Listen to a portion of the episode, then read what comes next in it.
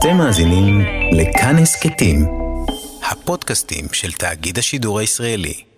כל ישראל, אוצרות הארכיון.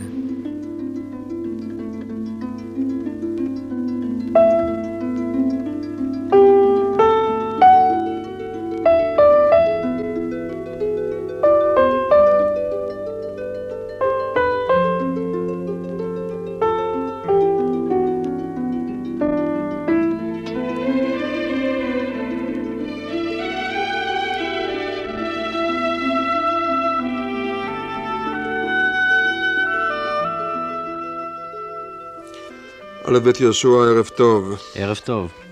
יש לי פיתוי לעשות עליך דיוקן של, אה, בנוסח דיוקנו של האמן כאדם נורמלי עדיין, די צעיר, אתה נחמד, אתה חיובי, אתה משפחתי, יש לך חובה חברתית, יש לך בהחלט uh, טיעונים uh, שיש להם לעיתים קרובות בסיס uh, מוסרי. אבל סופרים יש להם בדרך כלל דימוי אחר. יכול להיות שאתה באמת כל כך נורמלי וחיובי? אני יודע שהשאלה הזאת מאוד מעסיקה אותך, כבר נודע לי מיודעי דבר.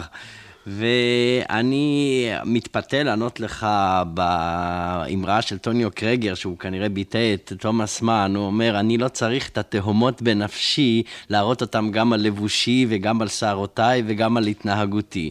מספיק אה, מה שיש בפנים, לא צריך אה, ליצור, אה, גם להשליך את זה החוץ. השערות מזכירות לי דבר שכבר אמרתי אמנם פעם על יהודה עמיחי, כך שאני מתעניין לא רק בך, כמו שאתה רואה. אמרת על יהודה עמיחי, ועכשיו אני אומר לך, שדליה רביקוביץ' אמרה פעם ליהושע קנז, כן. ש, נקודותיים, שהוא נראה כזה נחמד וחלק כמוך, אבל אם יפתחו את כיפת הגולגולת שלה, שלו, בפנים יהיה הכל רוכש תולעים. זה לא נכון לגביך. לא, אני לא חושב שזה נכון. אני גם אומר את זה, נאמר, לגבי המושגים של נורמליות ולא נורמליות, כי אני חושב ש...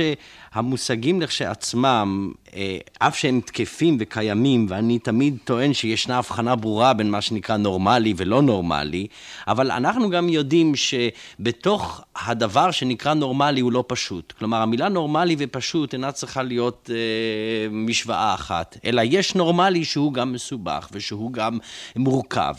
לא, זה שאתה פשוט ולא מורכב, יש להם מה לדעת, אבל אתה עצמך אמרת פעם, שאילולא היית כותב...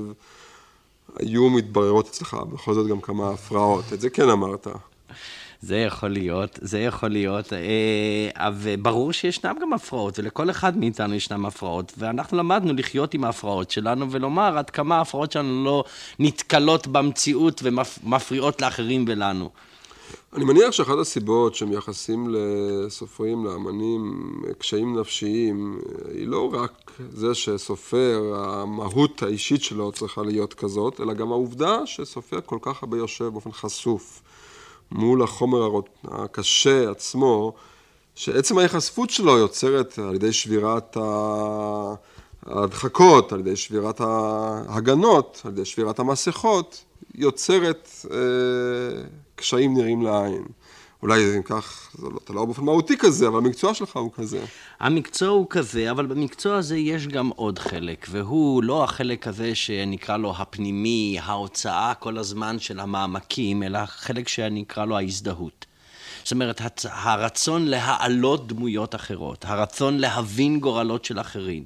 הרצ... זה, אני חושב שבדרך כלל מגיע אולי בשלב שני של כתיבה.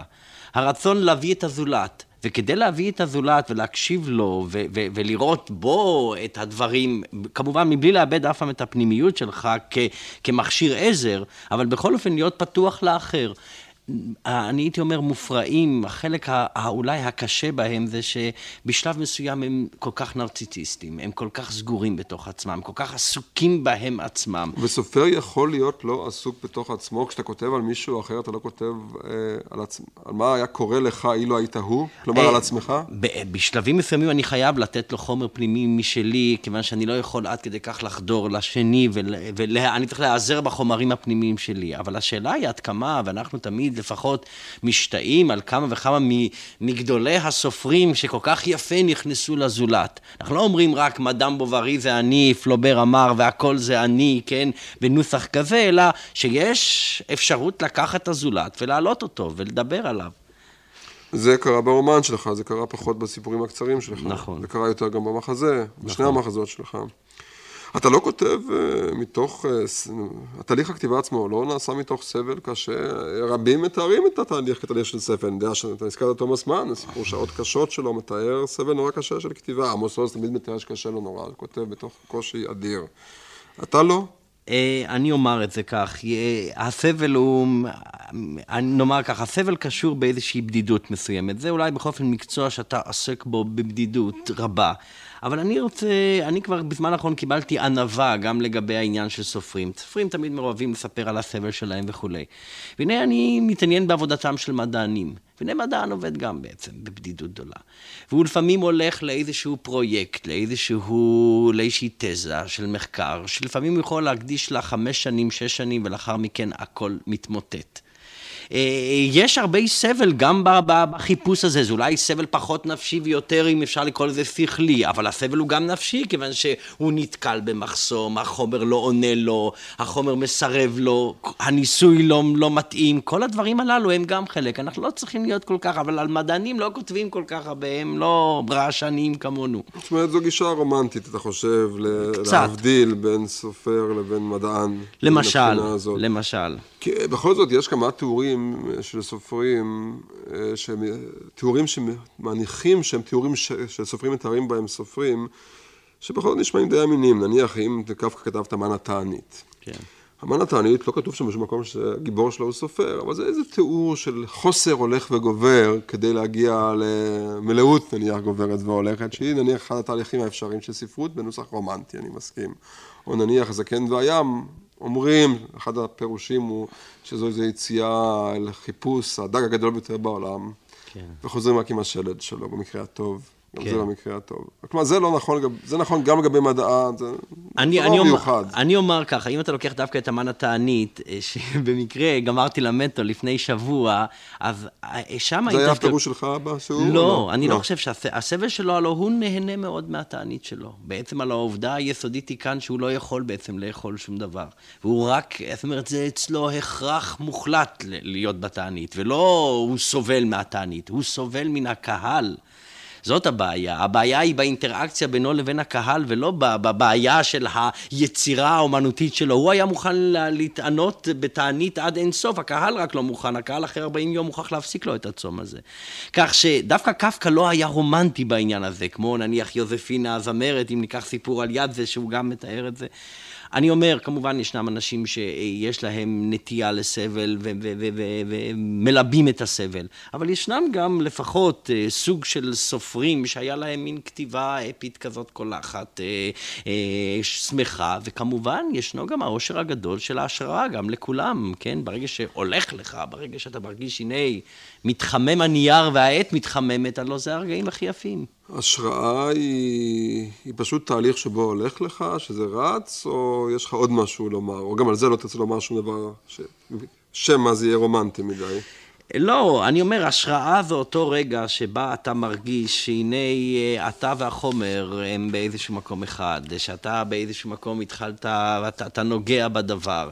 אה, ההשראה בדרך כלל זה הלחץ הזה שמרגיש לך שאתה אמין באותו רגע. יש תיאורים אחרים להשראה, כן. למשל, תהליך, עם אשתך הפסיכולוגית, הפסיכיאטרית, הפסיכיאטרית, אתה מספר לך אולי שהשראה זה תהליך, מצב של אהבה עצמית קיצונית. או, ושלכן היד היפה הזאת, הנפלאה הזאת, כיוון שהיא כתבה את זה, הדברים ראויים להיכתב ולהיות מודפסים. או נניח שההשראה היא מצב דומה למצב של קתרזיס, אבל מצידו של הכותב. כן. כלומר, זה מצב של פחד רחמים, וזאת התרחבות חריפה של האישיות, ושוב אהבה עצמית, אבל במושגים פסיכיאטריים. אתה רואה בזה פשוט לא, איזו לא, לא, הזדהות לא, חזקה. לא, לא, אני לא אשלול כמובן את האהבה העצמית בכל, בכל דבר. אנחנו חיים בכלל, אני לא יודע אם קראת את הספר Culture of Narcissism, שיצא עכשיו על ידי אה, לאשר בארצות הברית, והוא בעצם ספר שאולי ככה נותן אה, אינדיקציה מאוד ברורה לגבי התרבות שלנו. הוא בעצם מאפיין את התרבות הכללית כשהיא עומדת באופן ברור על העניין הנרציסיסטי. אתה רואה את זה בפוליטיקה, אתה רואה את זה בכל מיני מקומות. האגו בראש העניין, האגו במרכז, והאהבה העצמית של האגו הזה, והליטוף שלו, וכל מה שקשור, בני אדם בעצם עסוקים כל הזמן בעצמם. אבל סופר יש לו ברירה, הרי זה הכלי שיש לו. הוא לא עושה את זה בלוויינים. כן, אבל אני חושב שרק עצמך, אתה יודע, איך זה, רחל, שם השיר מאוד יפה, רק על עצמי, לספר ידעתי גדול עולמי כעולמה של נמלה. צער עולמי. צער עולמי, כעולם נמלה. כן, המשפט הראשון מאוד ענווה ומאוד זה, רק על עצמי לספר ידעתי, באמת, כל הכבוד שאת לא מתעסקת, אבל אז צער עולמי כנמלה, אתה מבין, אז זה... גם עשוי אמסתי כמוה, רב וכבד מכתתי יד עליו, בכל זאת. כן, אני משתעדע בציטוטים מכל אחד. כן. אז אין לך גם שום נרקיסיזם בצורת הכתיבה שלך, כלומר, אתה צריך שעות קבועות, אתה צריך שקט, אתה צריך אה, כיסא מיוחד. לא, כן? צריך שקט, צריך שעות קבועות, צריך משטר בכתיבה. זה ללא כל ספק בעבודה של פרוזה צריך משטר. מהו סוג המשטר שאתה המשטר הוא שבעצם אה, כל יום אתה צריך באיזשהו מקום לעשות משהו. אז אם זה לא יכול להיות כל יום, אז לפחות ארבעה ימים אה, בשבוע אתה צריך... מה, באיזו שעה? זאת אומרת, אני עובד בדרך כלל בבקרים, ולפעמים בערבים, אבל הנקודה היא, הנקודה היא לעשות. זאת אומרת, אתה יושב על הכיסא על יד השולחן, וכל ההתרוצצויות מסביב, אבל מסביב לשולחן, כלומר, הטווח הכי רחוק זה המטבח, ולא יותר מזה, אז, אה, והדואר כמובן, אז זה בערך צריך לקחת חמש שעות. אתה חייב חמש שעות לפחות ארבעה ימים בשבוע. אני חושב שזה צריך לעמוד כך. וזה תוצאה של החלטה. זו תוצאה של הרגל, מתוך תחושה שזה... עבודה, אתה לא צריך לחכות לאיזה רוח הקודש שתרד עליך ממרומים, אלא אתה צריך לשבת ולעזור לרוח הקודש להיכנס בלט דרך החלון. ואתה משהו מכין את עצמך? אתה נניח אוכל פחות לפני כן? אני לא יודע. שום דבר מהסוג הזה. אוכל יותר. אתה צריך, אוכל יותר. אתה צריך אה, כיסא אה, קשה דווקא. כלומר, אתה לא צריך לעמוד כמו עגנון, לא אכפת לך שאתה רפוי מבחינת ה... לא. השולחן לא צריך להיות נקי. צריך להיות נקי וצריך שיהיה שקט באיזשהו מקום. אבל אה, הפרעות, תראה, ברגע שאתה רוצה, לה, הפרעה, אם אתה לא מרוכז, אז כל הדבר הכי קטן יפריע לך. אם אתה מרוכז, אז יהיה רעש ויהיה זה, ואתה בכל אופן תעבוד. דברים ידועים. כן. אתה יודע בדרך כלל מראש אה, מה אתה אומר, אמור לעשות באותן חמש שעות? אה, כן, אני אמור, אני יודע, זאת אומרת, אני יודע על הקטע שבו אני עובד, אני יודע על, ה, על איזה תכנונים אחרים, אני יודע אם זאת עבודת העתקה או עבודה ראשונית. אתה יודע מה הנושא, ואתה יודע בערך מה אתה הולך לעשות. כן. זה לא בא באופן מפתיע. אני, ברור שהדברים, תמיד הדברים, בכל אופן, נולדים תוך כדי עבודה. כלומר, אין דבר כזה שאתה בעצם תכננת את הכל מראש, הכל ידוע, ואתה בעצם רק צריך לממש אותו. היצירה נעשית תוך כדי עבודתה. כלומר, חלק לפחות ממנה, וחלק בא בהרהורים, במחשבות שאתה נושא איתו. ואז אתה רושם בפנקס קטן? בדיוק. כן, אתה רושם בפנקס קטן. כן. אני לא יודע למה זה טוב, כל השאלות הללו, אבל אני לא יודע, זה עצות לאומן כמתחיל או משהו כזה, לא כל אחד עושה את זה על פי דרכו. אה, רכילות זה בסדר. אתה כותב כמה טיוטות? כן, אני כותב כמה טיוטות, אבל אני בדרך כלל לא מוחק הרבה. לא מוחק הרבה. מחיקות, אני כותב מעט, אבל לא מוחק. אז מה זה, בשביל מה כמה טיוטות אם ככה? אתה פשוט כותב לא, את זה לה, מחדש? לא, להעתיק את זה, כן, מחדש. העתקה מחדש היא תמיד אה, משמעותית ביותר, כן? זאת אומרת, היא, היא מנקה, היא עושה את הניקיונות הקטנים, זאת אומרת, ואת התוספות הקטנות וכל מה שקשור בכך. ואתה זרקת די הרבה לפי כמה... אני זרקתי גם, כן, אני זרקתי הרבה ואני זורק אה, כל הזמן, כן? זאת אומרת, אה, ואני משמיד גם בזריקה, כדי שלא יקרה לי מה שקרה לאחרים, שמה שהם זרקו, אחר כך אה, באו והוציאו אותם כספריהם, למשל עגנון. כן. טוב, יש גם, אתה יודע, יש גם מקרה של... של קפקא, שהוא מקרה כן, אחר, יותר טוב. כן, אבל אה, תראה... אבל מה זה ג'ויס, זרק את סטפן הירו, זה היה כן. הספר שקדם לדיוקנו של האמן כאיש צעיר, הוא שרף אותו. שרף אותו, הביטחון. כן, נכון, גוגול שרף אותו, אבל אה, לגבי קפקא אפשר לומר, בסדר, זה היה אומן שהיה לו כל כך הרבה ייסורים עצמיים וכל כך הרבה אה, אי ביטחון עצמי, אבל כשאתה לוקח את עגנון, שהיה אדם כמובן שקול וברור ופרסם וזכה לתהילה והיה בהחלט נרציסיסטי וידע את ערכו, ואם הוא אמר, זה לא טוב לפרסום, אז צריך היה לקבל את השיפוט שלו. הוא לא היה זאת נרוטי לא- עד כדי כך, הוא לא היה self-destructive, אה, אדם הרסני, כן? אז לכן אני אומר, לגביו היה צריך לכבד את שיפוטו, ואני אומר, זאת גם בעיניי גאונותו הגדולה. האיש הזה כתב כל כך הרבה, ובכל התהילה מסביב היה גם שופט מצוין של יצירתו. אז אתה ממש זורק ולא משאיר העתק? זה, זה... דורש כוח נפשי מסוים. לא, זה לא? הקל ביותר. זאת אומרת, ברגע שאתה מחליט, אז זה הקל ביותר. טוב, ומאיפה אתה יודע שמה שאתה כן משאיר הוא טוב? אה. יש לך ביטחון? הביטחון, אני רוצה לומר, הוא, הוא לא הולך וגובר עם השנים, אם נאמר את זה ככה. אמ, אני זוכר שסיפורים ראשונים הייתי תמיד רץ ומראה לכל הרבה אנשים לפני כן, וקורא ומבקש עכשיו חוות אתה דעת. לא מראה יותר? עכשיו אני לא מראה להרבה אנשים, אני מראה לכמה אנשים כמובן. אשתי כמובן הראשונה שקוראת, והיא השופט הראשי שלי בעניין הזה, אבל גם פה ושם לאחרים.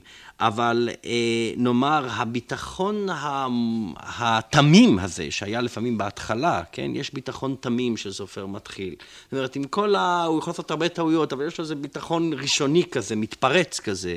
אתה נעשה הרבה יותר מודע את עצמך, ואתה כבר יושב וכותב, ויש כבר איזה מבקר קטן כבר שיושב מאחוריך ומבקר את מה שאתה עושה, ואתה יודע מה הוא יאמר ומה זה. וזה אחת הצרות, לפי דעתי, של, של דור הביקורת, כפי שמכנים אותה היום. אני קראתי רק השבוע השמצה, אחת השמצות הכי יעילות על ביקורת שקראתי של דוריס לסינג, בהקדמה שלה למחברת הזהב. כן. זה לא היא שם כותבת שהיא הייתה רוצה דווקא שיהיו מבקרים, שמישהו יעזור לה, תוך כדי ראיית התמונת, העניינים ב- בעיניים שלה, ואולי יוביל אותה עוד כברת דרך, אבל איפה, אין כאלה המבקרים, ולמה, ולא צריך לצפות שמבקרים יהיו כאלה, היא אומרת. לא צריך לצפות. כלומר, לא עוזרים לך אף פעם מבקרים. זאת אומרת, אה, אני אומר כך, יש כמובן קווי ביקורת קלים. אני חושב שגרשון שקד למשל היה משמעותי בשלב מסוים של היצירה שלי, שהוא אמר, תשמע, הדרך הסוריאליסטית מביאה למבוי סתום ברגע מסוים. זה אומר לך אדם שאתה יודע שהוא מעריך את יצירתך, קרוב אליך, מלווה אותך כל הזמן, והוא אומר לך, תשמע, הכיוון הזה, או הכיוון הזה, או משהו מהסוג הזה, וזה מתאים גם לתחושה הפנימית שמך יכול לעזור. אבל הביקורת לכשעצמה, אני אומר באופן גלוי, אני קורא אותה מאוד ברפרוף. אני לא, אני לא מתעמק בה. כיוון שאני חושב שאני גם מלמד אה, ספרות באוניברסיטה, וזה כבר התעסקות המון בספרות ובמודעות ספרותית בניתוח של אחרים. אתה נתח את אחרים, אז אתה כבר, יש לך את הכלים לנתח גם את עצמך. והמודעות הרבה הזאת היא, היא מסוכנת.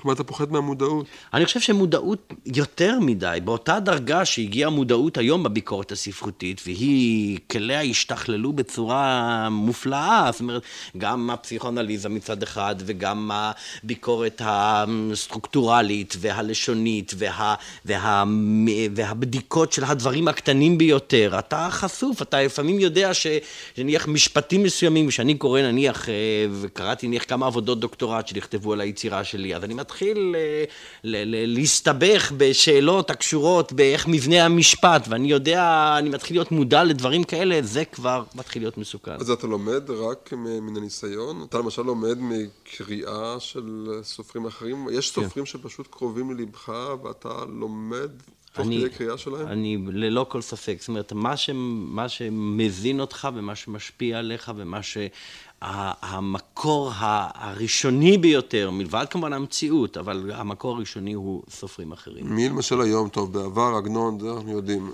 כן. אה, מי היום? היום נאמר, בתקופה של השנים האחרונות, אה, פוקנר, מאוד משמעותי לי.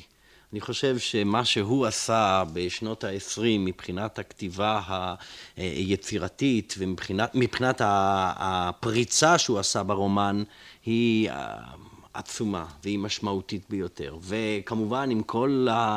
ההבדל בעולמות ואולי גם העובדה שלי חסר ממד העבר כפי שהוא חי אותו בצורה כל כך פנימית, דברים מסוימים בטכניקה הספרותית שלו, בדרך שהוא מעצב, מאוד uh, מדברים אליי היום, בשלב זה. מה למשל, פוקנר? פוקנר, ראשית כל, אני חושב הכל והזעם. אני רואה את זה כאחת היצירות הגאוניות ביותר. אני ראיתי לפני כמה זמן משאל שעשו בין מבקרים לגבי מה שנקרא כל היצירות של המאה ה-19 וה-20, וכל אחד היה צריך לומר מי הוא היה מעמיד, אתה יודע, בנוסח המשאלים האלה, שלושת הספרים החשובים ביותר וכולי. ונורא שמחתי לראות איך שהם חזרו על שמו, ואחד כל הזמן, זאת אומרת, כל, כל שני מבקרים תמיד היה מופיע שמו. ואני חושב שהקול והזעם, למשל, זאת אחת היצירות המורכבות ביותר שנוצרו אי פעם בספרות העולמית. ואתה לא פוחד מהשפעה? אני אומר ככה, השפעה של גדול, השפעה של ענק, היא, היא לא מפחידה. כיוון שבין כה וכה אתה לא יכול לעולם לעשות מה שהוא עשה. אתה בכל אופן, זאת אומרת, אתה תמיד, זה לא, אתה לא יכול, מה שנקרא, להיצמד אליו בקנה מידה של אחד לאחד. אין לך אף רגע של אמונה שאתה כמו פוקנר? לא. אתה בכלל לא עושה השפעות כאלה? לא. בכלל ישנה שאלה של היררכיה? אתה יודע, מבקרים כל כך כמה מבקרים ישראלים במיוחד, כן, אנחנו אוהבים אבל... ליצור היררכיות, ליגה, כדורגל כן. כזאת.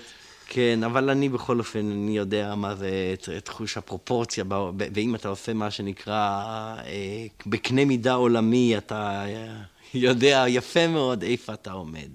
ומה הרוחק. בכל רגע, גם רגע של שיא ההשראה, בתוך ההשראה אתה לא מרגיש שהנה עשית משהו שהוא... אתה עשית משהו שאתה יכול לומר, קטע זה יכול היה לא לבייש אה, סופר גדול או משהו כזה, אבל אני לא חושב ש... בטווח הארוך, אתה, אני לפחות אה, מנסה להימנע מזה. מה שלפעמים אדם ברגע של חולשת הדעת מתחיל לערער אירועי עבירה, זה לא נחשוד אף אחד. פה משורר אחד שראיינתי כאן, דיבר איתי על פרס נובל שצפוי למשורר ישראלי, ראיינתי, די צעיר. אני מאחל לו כל טוב. אתה חושב שבכלל אין מקום להשוואה של סופרים זה לזה, כל סופר צריך להיות מושווה רק על עצמו. שוב, אם להזכיר את אה, דוריס לסינג, היא מאוד מתלוננת על זה, שוב באותה הקדמה, כן. על זה שמבקרים מסכנים, מה הם צריכים, מה יש, איזה ברירה יש להם. הם עושים השוואות, עושים סדר בין הסופרים. וזה לגמרי לא רלוונטי, היא אומרת, הסופר קיים רק עם עצמו.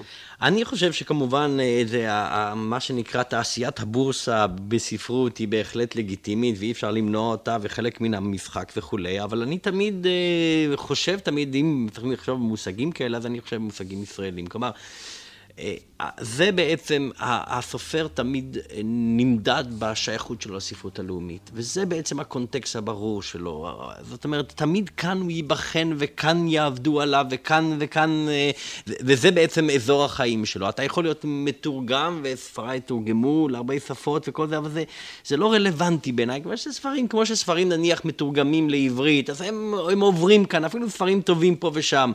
החיים של ספר והיכולת שלו להישמר, והיכולת שלו להשפיע, והיכולת שלו ל- ל- ל- להיכנס לתוך המדמנה הזאת שנקראת ספרות, רק בספרות הלאומית. יש לי פה כמה הגדרות שהן נדמה לי שוב בחלקם מן הסוג הרומנטי לגבי כתיבה, לגבי, אתה יודע, קפקא דיבר על ספרות כצורה של תפילה, אה, אחרים דיברו על הכנסת סדר בכאוס, פרוסט כותב על זה שכתיבה זה בשבילו, הוא לא כותב את זה בלשון ישירה כל כך, היכולת שלו לשמוע מחדש את הבכי שהוא פחד לבכות בנוחות אביו, אבל וחיכה לבכות בנוחות אמו, והנה עכשיו הוא שוב פנוי ופתאום שומע את זה דרך הרעשים של העיר, שזו צורה של כתיבה. אתה, כל ההגדרות האלה רומנטיות מדי? לא, לא, לא, לא, לא, לא, לא, הן כבר לא כל כך רומנטיות, כן? ספרות כסוג של תפילה והגדרה של פרוס היא מאוד יפה והיא גם מאוד מתאימה לו. אני זאת אומרת, אה, אני מגדיר ספרות ראשית כל, אני לא מגדיר את הספרות שלי, אני, אני מגדיר ראשית כל ספרות שהיא מבחינה זאת טובה לכולם. אני נתתי הגדרה שמצאתי אותה באיזשהו מקום ואני משתמש בה עם תלמידים שלי ואני אומר ספרות היא אומנות הבאה למסור על ידי שיתוף באמצעות הלשון, ניסיון נפשי שמעריכים אותו מצד עצמו. כלומר, היסוד הברור הוא יצירת השיתוף הזה. וזה document אה, לא יכול לעשות? לא, דוקומנט, דוקומנט לעולם לא, רוצה, לא יעשה אף פעם שיתוף. הוא יעשה, אתה תדע על זה, אתה, אתה, אתה תבין את זה, אתה יכול אפילו להסכים או לא להסכים, אבל הוא לא ייצור את אותו דבר שמה שעושה סופר שלוקח ניסיון והופך אותו לניסיון שלך. ניסיון שלך לצורך מרק, לצורך הבנה טובה יותר, לצורך גרימת הנאה. לצורך, ההנאה היא בכך שאתה בעצם משתתף בניסיון אנושי אחר, אבל הוא בעצם, הוא גם שלך, אתה משתתף בו בכל, בכל אישותך, אבל הוא גם לא שלך וגם שלך. כלומר, ההנאה היא בניתוק, אם נקרא את זה, אם נאמר את זה כך. אתה דחית די הרבה שנים את הניסיון לכתוב רומן, וכתבת רומן. הקשיים של רומן בן זמננו הוא דבר שעוסקים בו בלי סוף, עד לעייפה.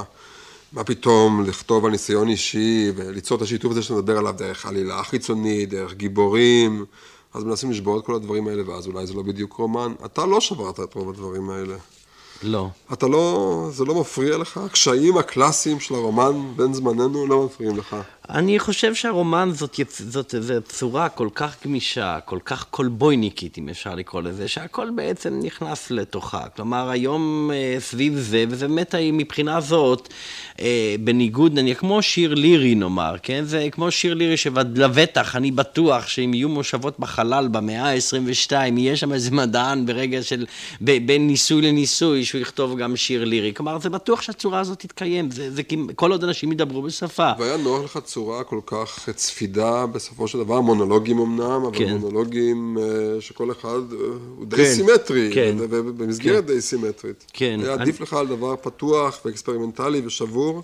אני חושב שא', אם תבדוק היום הרבה מן הרומנים הנכתבים היום, נניח, אז הם, אני, עכשיו, אני עכשיו אפילו נדהמתי כשקראתי עכשיו כמה רומנים חדשים שיצאו בארצות הברית, עכשיו הרומן האחרון של פיליפ רוס, גוסט רייטר וכל זה, בצד הטרדיציונלי, בצד הבלתי ניסויי, אני חושב שאפילו במובן מסוים יש עכשיו, איזה, וזה אפילו לא לטובת הספרות, איזה מגמה פשטנית בכתיבה, בכתיבה הטכנית. כלומר, אני, הפריצות הטכניות הגדולות עדיין, אם תבדוק אותן, נעשו בשנות ה-20 של המאה הזאת. אלה הפריצות הטכניות המשמעותיות ביותר. של וירג'יניה וולף וג'יימס ג'ויס וקפקא ופוקנר כמובן, ואחרים, כן, שהם באמת נעשו את הפריצות הללו. אה, אני חושב שבמובן מסוים אה, הצורה הריאליסטית, אה, אם נקרא לזה, אף שלעולם לא יכול להיות עכשיו הריאליזם הטהור. התמימות של הריאליזם הטהור נגמרה כבר. זה תמיד תהיה משהו שהוא מודע את הסימבוליקה שלו, ואיזה דבר שיש בו איזה צד קפקאי והגרוטסקיות, והבניית דמות לא תהיה תמיד על פי מה שנקרא, אתה יושב ובונה דמות או נוף, אתה לא יושב ומסדר אותו כמו שסידרו מקודם. אמ, אני... אתה דרך כתיבה משתף אחרים באיזה ניסיון שמתחיל, שהופך נניח, כמו שהמבקרים הרומנטיים אומרים, הופך לניסיון מיתי. כלומר, משותף לכולנו. אז אם כך אולי יש לך ניסיונות שלנו עוד אינם, אולי תספר לנו, אני, כי אתה יודע, קשה מאוד לשמוע מאדם בן 40-45 אינפורמציה, נניח את הצורה שבה הוא תופס את המוות, כי אנשים בגיל הזה עוד לא תופסים כל כך את המוות. אולי אדם שכותב על גיבור שימות, שמת בסופו של דבר, גם אם הוא בן 40-45, כבר חש את זה. אתה מוכן לספר לנו על... אני, אני, אני אגיד לך מה, אני לא, אני לא אוהב לדבר בהכללות פילוסופיות על כתיבה. זאת אומרת, אני חושב שכתיבה בראש ובראשונה זה דבר הרבה יותר קונקרטי, זה הרבה דבר יותר מסיס. זאת אומרת, אתה חושב על מישהו מסוים שהולך ברגע מסוים, זאת אומרת, הקונקרטי שלו. אתה לא עצמך לא מסוים בהקשר הזה? אני חושב הרבה פעמים, אני חושב אולי איך אני הייתי מתנהג, או אני מנסה להשליך אה, חלקים ממני, אבל נאמר שזה לא אידאה שאני מממש אותה על ידי מצב, אלא בראש ובראשונה יש כאן האדם המסוים הזה שאני מתחיל לחוש לו, זה לפחות בשלבים האחרונים של הכתיבה שלי, הוא נושא את העניין. יחד עם זה, בשנים האחרונות אתה מדבר על הקשר בין כתיבה לבין מצבים אידאים ישראליים לפחות, כן. יהודיים לפחות, תכף נעסוק בהם. אבל לפני כן, כיוון שעוד לא הגענו לצד הזה של העניין, אתה לא כותב מתוך איזושהי תמונת אה, עולם אישית, מצד אחד הכתיבה שלך נשארה כתיבה של מצבים בלתי אפשריים, כלומר ברית כרותה לנו שנצא מעין ונחזור לעין ובדרך, והדרך היא, אה, היא חסרת משמעות. יחד עם זה אתה בחייך האישיים או בדברים שאתה אומר בתחומים, במאמרים נניח או ברעיונות, אתה אומר דברים שיש בהם תחושה של שחרור דווקא, של שליטה בחיים, שליטה בגורל. אה, כלומר, אפשר לכתוב בלי קשר למה שאתה חושב בתחום החברתי והאישי שלך? אה, אני יודע, זאת שאלה קשה, ואני הרבה פעמים שואל את עצמי האם באמת יכולה להיות דיכוטומיה כזאת בין מה שנקרא כתיבה אה, ספרותית לבין מה שנקרא, המח... כאילו המחשבות, הרעיונות, שהם בדרך כלל נניח מטיפים לחירות, לנורמליות, לשליטה בגורל, כל מה שקשור בכך. אמ, אה, אני חושב אגב שבסופו של דבר אין כל כך דיכוטומיה בין שני הדברים הללו כפי שהיא נראית. אני למשל קראתי עכשיו עבודת דוקטורט שנכתבה על uh, המעבר משנות ה-50 לשנות ה-60, של נורית גרץ.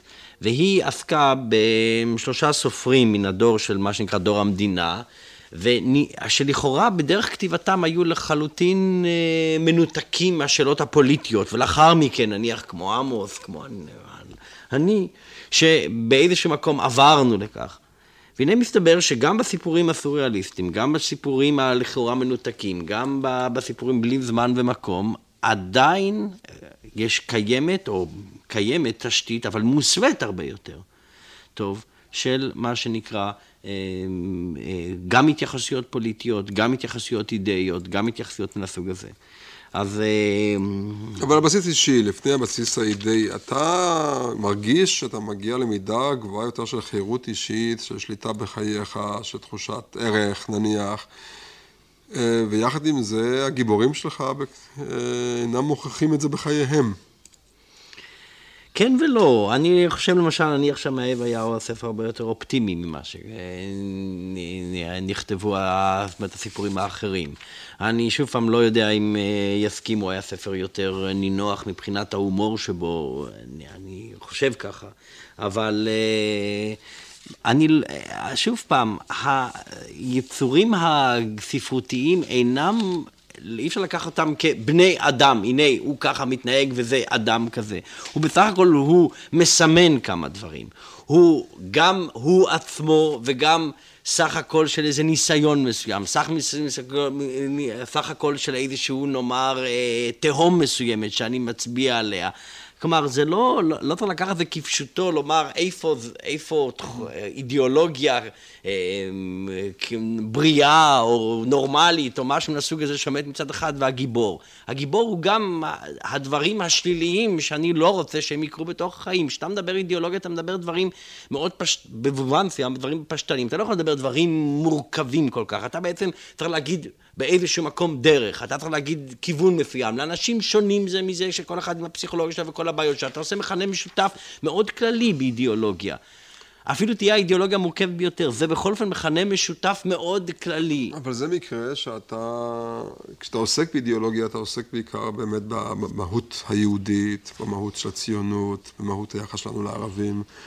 אתה לא עסקת באמת, נדמה לי, לפחות לא הרבה, במאמרים או בראיונות איתך, במהות אישית, או נניח במצבך הקיומי. כן.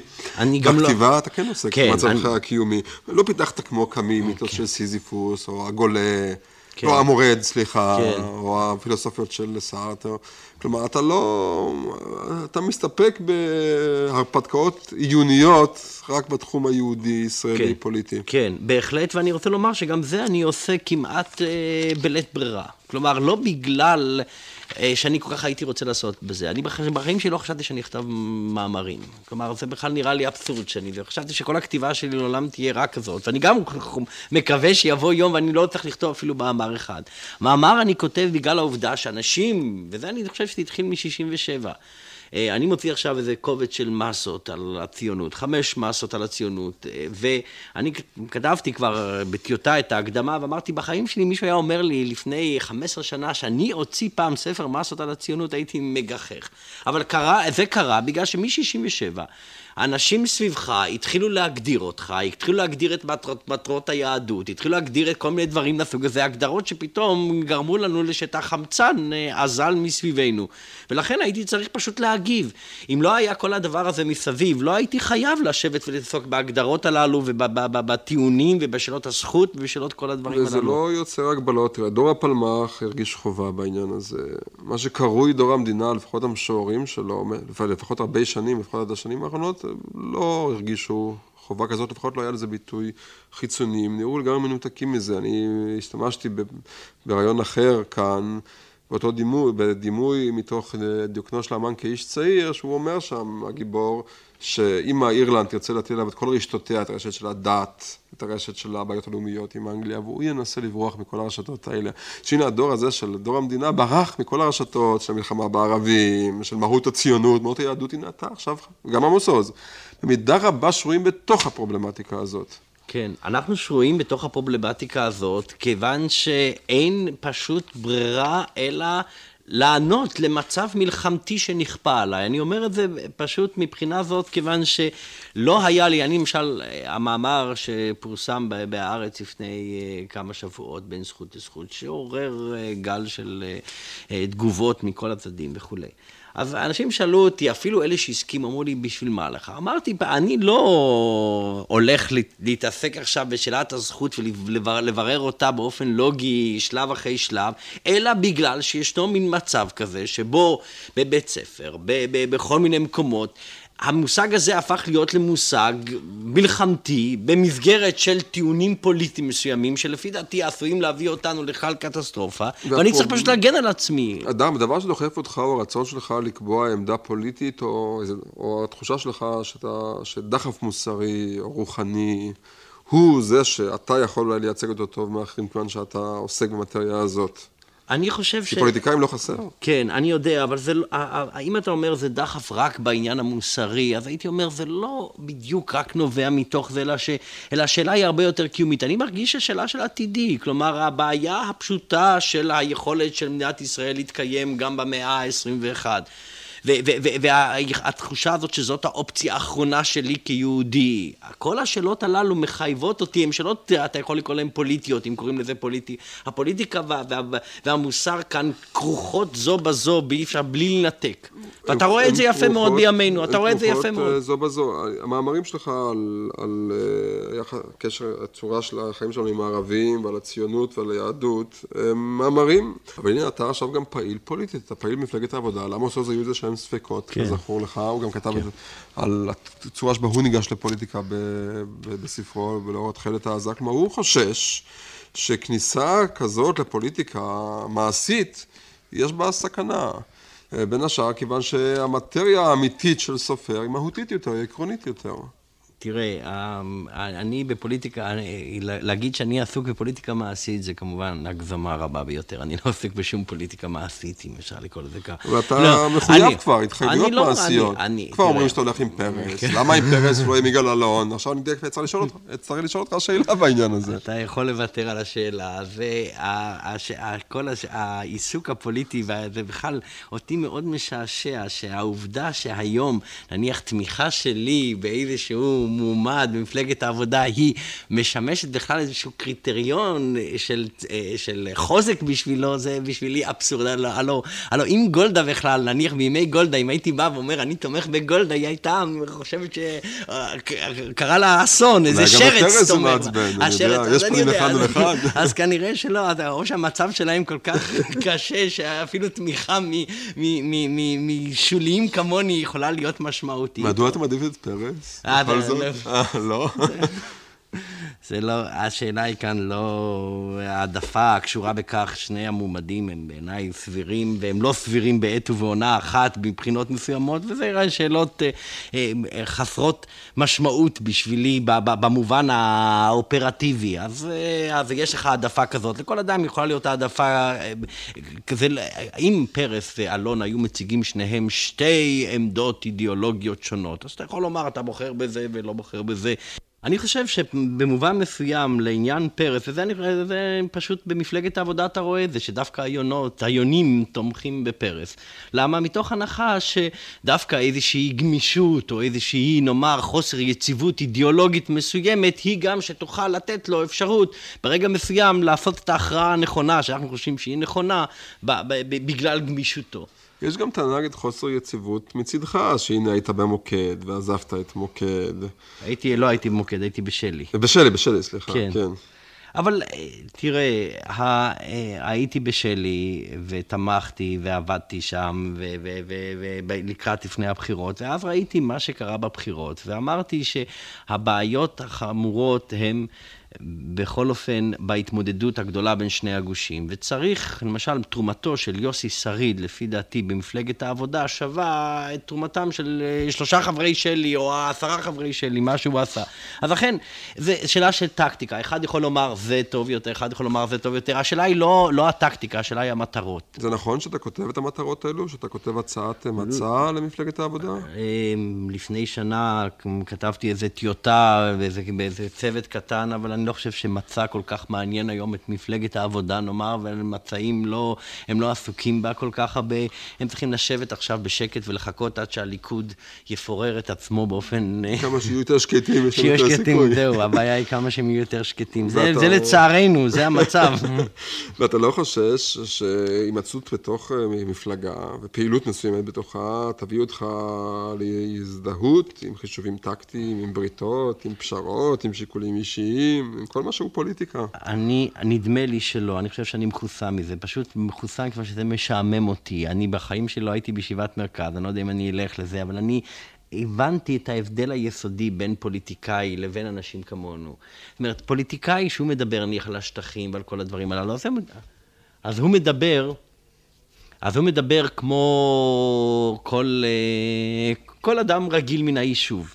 אבל מה זה פוליטיקה? פוליטיקה זה אז שהוא מתחיל להיכנס לתוך השאלות לוועדה המארגנת והוועדה המסדרת והשאלות הללו. זה מה שנקרא עשייה פוליטית. אז הוא נכנס לתוך חום. זה כמו אנשים שמדברים על ספרות, וכמו סופרים מדברים על ספרות, על ספר כזה ועל ספר כזה. כאן הפוליטיקאי ככל אדם.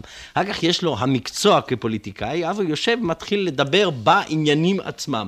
העניינים האלה בעיניי הם חסרי כל אה, שייכות וחסרי כל אה, עניין בשבילי. ואני יכול להבין שיש אחים, ולכן אני לא... ואז אתה מעריך שמפלגת העבודה תעלה לשלטון, אתה מעריך ששמעון פרס, בגלל מה שאתה מעריך שיש בו או אין בו, יהיה מוכן למשל לשבת בתנאים מסוימים, בתנאים של אראלה יריב נניח, עם אש"ף, דבר שאתה, אני מניח, תומך כן, בו? כן, אני חושב שכן. נדמה לי שכן. נדמה לי שההיסטוריה תכריח אותו לעשות את זה. אני אומר את זה היום, זה כמעט ברור לגמרי. מבחינה זאת אפשר לומר שכל אלה שנחשבו לתמימים החל מ-67, אם היו מקבלים את עצותיהם החל מ-67, אז אני חושב שמצבנו היה יכול להיות טוב יותר, הרבה יותר טוב. הוא יהיה מוכן לפשרה טריטוריאלית שאולי תביא להקמת מדינה פלסטינאית. היום הוא מדבר על ירדן. על האופציה של ירדן, הוא לא מדבר על מדינה פלסטינאית. כן, מדברים על ירדן, וידברו עוד על ירדן, והפלסטינאים עצמם, עד שהם גם יעברו את זה, אבל כל העניין הזה הוא, יש בעצם, וזה לפחות אפשר לומר, מי שלמד קצת היסטוריה, מי שראה קצת היסטוריה, אז הוא יכול לראות את התהליך באופן ברור, מה שכל העולם רואה, וזה, מצד אחד, זה מה שמעסיק אותי היום. מה שבגין ראה בסיני, אתה אומר. מה שהוא ראה בסיני בשלב מסוים, ואני אומר, לפעמים אתה תמה איך היה עיוורון של אנשים לכאורה צלולי דעת. אני למשל רואה את עניין וייטנאם, ואני אומר, איזה, הלוא כל העולם ראה מה, איזה סוג של הסתבכות הולכת להיות שם. וישבו שם אנשים צלולים לגמרי, בלי כל מיני מיתוסים של ארץ אל השלמה וכל דברים כאלה, ובכל אופן עשו את הטעויות המכריעות ביותר והמגוחכות ביותר שאתה בודק אותן היום. אז יש כנראה משהו מאוד טרגי בעניין הזה, שעל, וייתכן מאוד שתהליך היסטורי חייב למצות את עצמו. זאת אומרת, צריך ללכת עד הסוף, צריך היה לבוא הליכוד לשלטון כדי שהוא יוכל בסופו של דבר להבין שהתזה הזאת לא יכולה לעבוד, ורק על ידי שהוא יעשה את זה, זה היה הרבה יותר אמין. יש כנראה גם חוקיות כזאת, ואז צריכים לשלם גם את המחיר. דה גול היה צריך להחזיר את אלג'יריה, לא היה יכול לעשות את זה מישהו אחר, הוא צריך היה להיכנס לתוך העסק הזה, לתוך המכניזם הזה. אלה הם כנראה תהליכים היסטוריים שצריכים למצות את עצמם, והמיצוי העצמי הוא חלק מן ה... הייתי אומר, מחוקי טבע כמעט. ואין סכנה שתסיק מזה בסוף מסקנה נוספת וגם תיכנס בפועל לפעולה פוליטית כחבר כנסת למשל? בשום פנים ואופן, בשום פנים ואופן. אין שום זה, סכנה כזאת. אין שום סכנה כזאת, ואני יכול להרגיע אותך שלעולם לא אה, מצא שם ולעולם לא זה כמו שהעניין הזה פשוט לא מעניין אותי ואני לא אעשה את זה טוב, אני פשוט אמעל בשליחות, כמו שאני בסך הכל אבוא לשם כדי לצעוק איזה נאום יפה, ואני לא אעשה את העבודה שצריכה להיעשות שם, ואני לא אקח, מבחינה זאת אני, אני מציע שאף אחד לא יעלה על דעתו אפילו את הרעיון להציע לי את הדבר הזה. אבל שזה לא יהיה טוב. טוב, אני מניח שהם ישמחו לא להציע לך. מאה אחוז, מאה אחוז. כן.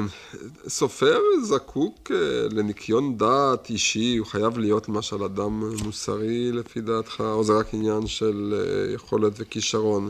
אה, כשאני אומר אדם מוסרי, אני מתכוון לכך שהאם דחף רוחני הוא בעצם דחף מוסרי? אני חושב שלפחות לגבי, הייתי אומר כמעט הפרוזה, סארטר פעם אמר את זה, שפרוזה, הוא הבדיל בעצם את הכתיבה הפרוזאית מכל כתיבה, מכל צורת אומנות אחרת, לא רק, וכולל שירה, בכך שהוא טען שהפרוזה בעצם עוסקת במצבים מוסריים. למרות שנניח ציור, או מוזיקה, או פיסול, אולי גם קולנוע כמובן, גם עוסק במוצבים מוסריים. כלומר, יש משהו הרבה יותר אה, אה, המוסרי שנגרר בתוך עצם התיאורים של מצבים אנושיים. אתה כל הזמן צריך לשפוט מוסרית. אז אתה חייב... לעשות... אני חושב שאתה חייב לתת דעתך על העניין הזה. כלומר, חייב להילחם. בעצמך שלא תהיה קמצן, שלא תהיה נבלה. שתהיה נדיב ככל האפשר, אני, זה אני, חשוב אני, שתילחם, אתה נלחם כל הזמן נגד עצמך. אני נלחם, ואני מקווה שאחרים דואגים שאני אלחם טוב על כך, אבל אני רק רוצה לומר שמבחינה זאת, אה, אני מרגיש שמצפים ממך להיות כזה. זאת אומרת שנניח אה, לא מצפים מסוג של אומנים אחרים, נאמר, אה, למדוד אותם במדידה האומנותית, במדידה המוסרית. אבל אם אני נניח, היו מספרים לי על סופרים גדולים שהם היו בלתי מוסריים, ערכיים במהותם, אז הייתי רואה בזה איזה פגם. למרות שלכאורה, למה? Mm. והדבר הזה מתאפשר, כלומר, יכול אדם לשמור על איזה ניקיון דעת ומצב שבו למשל צריך להתפרנס. אין לו, אין, אין תנאים לאדם רק לכתוב, אפילו כן, מאמרים. כן, ודאי שלא, ודאי שלא. לא. להיות תקוע באוניברסיטה עם כל המלחמות האוניברסיטאיות, עם כל הפשרות. זה ברור, זה ברור, זה חלק מן, ה, מן המציאות של סופרים כאן, אה, ואנחנו מצד אחד, אני אומר, מצד אחד אנחנו נהנים, אנחנו ארץ קטנה, אנחנו מגיעים נאמר להכרה אולי הרבה יותר מהר ממה שמישהו מגיע באוהיו, או ב, ב, אני יודע, בקליבלנד או משהו כזה, אבל מצד שני, אנחנו כמובן... אה, לא יכולים להתפרנס מהכתיבה, וזה חלק מהותי מן העניין הזה, וזה לפעמים מכביד, אבל הייתי אומר שאם היית אומר לי היום, שב, קח... ורק תכתוב. היית כותב אז הרבה שעות ביום? אני חושב שהייתי מגביר, אבל עבודה הייתה תמיד חסרה לי. כלומר, המגע הזה עם המציאות, כלומר, הזמן הזה שבין כה וכה אתה לא יכול לכתוב בו, אז מוטב לעשות בו משהו ממשי. ולשבת רק ולכתוב, אני לא חושב שהייתי מסוגל לעשות את זה. למה אגב דווקא אוניברסיטת חיפה זה המקום הכי, אם כבר, אה, לא, לא אוהיו, אבל טוב, בעצם חיפה זה אוהיו של ישראל. למה דווקא חיפה? חיפה היא עיר נהדרת, עיר מצוינת, ואני מגדיר אותה כפילטר טוב תמיד, שמזכך יפה מאוד את מדינת ישראל. כלומר, דרך האורנים והיערות ומראה הים שם, מדינת ישראל נראית הרבה יותר סימפטית והרבה יותר נחמדה, מאשר אולי ממקומות אחרים. אתה בארץ כמעט לא מפרסמים סופרים, או בכלל לא מפרסמים סופרים כתבים אה, אינטימיים יותר, מסמכים אינטימיים שלהם. כן. בחוץ לארץ מפרסמים הרבה לפני המוות, אחרי המוות מופיעים בלי סוף, ימנים, מכתבים, פרגמנטים וכל שאר הסיפורים, אבל רבים מפרסמים בחייהם, יונסקו. כן. אה, אני יודע, בגיל 40 פרסם אה, גינזברג, שורר מין יומן די... כן. כן, אני... כמעט לא נעים לקריאה.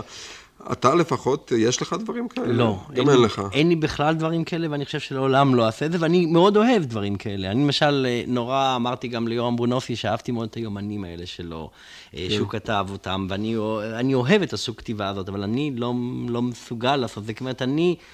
אה, מבחינה זאת, שוב פעם, אצלי ישנה מגירה מאוד ברורה שבה נמצאת הספרות, והיא אז ספרות של ממש. זאת אומרת, הדברים האלה של הביניים, כן, של הערעורים, של כל הדברים הללו, האנרגיה כל כך מועטה, לכן כדאי להקדיש אותה רק לדבר הזה, שהוא לי נראה חשוב ביותר.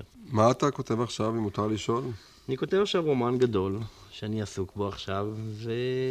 אתה מוכן משהו לספר עליו? לא. גם לא, מה, מה הרקע שלו? הוא הרבה פחות פוליטי, אם המאהב נקרא רומן פוליטי, אני לא חושב, אבל אם נניח הוא נחשב, אז הרומן הזה הרבה פחות. זאת אומרת, אה, מבחינה זאת, אה, הרבה פחות מה שנקרא צמוד לזה אקטואליה, למרות שהוא כתוב, כתוב על ההווה. זה הכל. זה מה שאתה מוכן לומר עכשיו. זה הכל. מתי נוכל לקרוא אותו? אני מקווה, אתה יודע, הדברים הללו מכניסים אותך תמיד ללחץ, לאשמה, לדרישה, להבטחה, לכל מה שקשור בזה. אני מקווה שעוד שנה, שנה וחצי. טוב, ועד אז אפשר לשמוע את הרעיון הזה. רעיונות זה תמיד דבר הרבה יותר קל. זה נכון. תודה רבה. אין בעד מה. תודה לבית יהושע.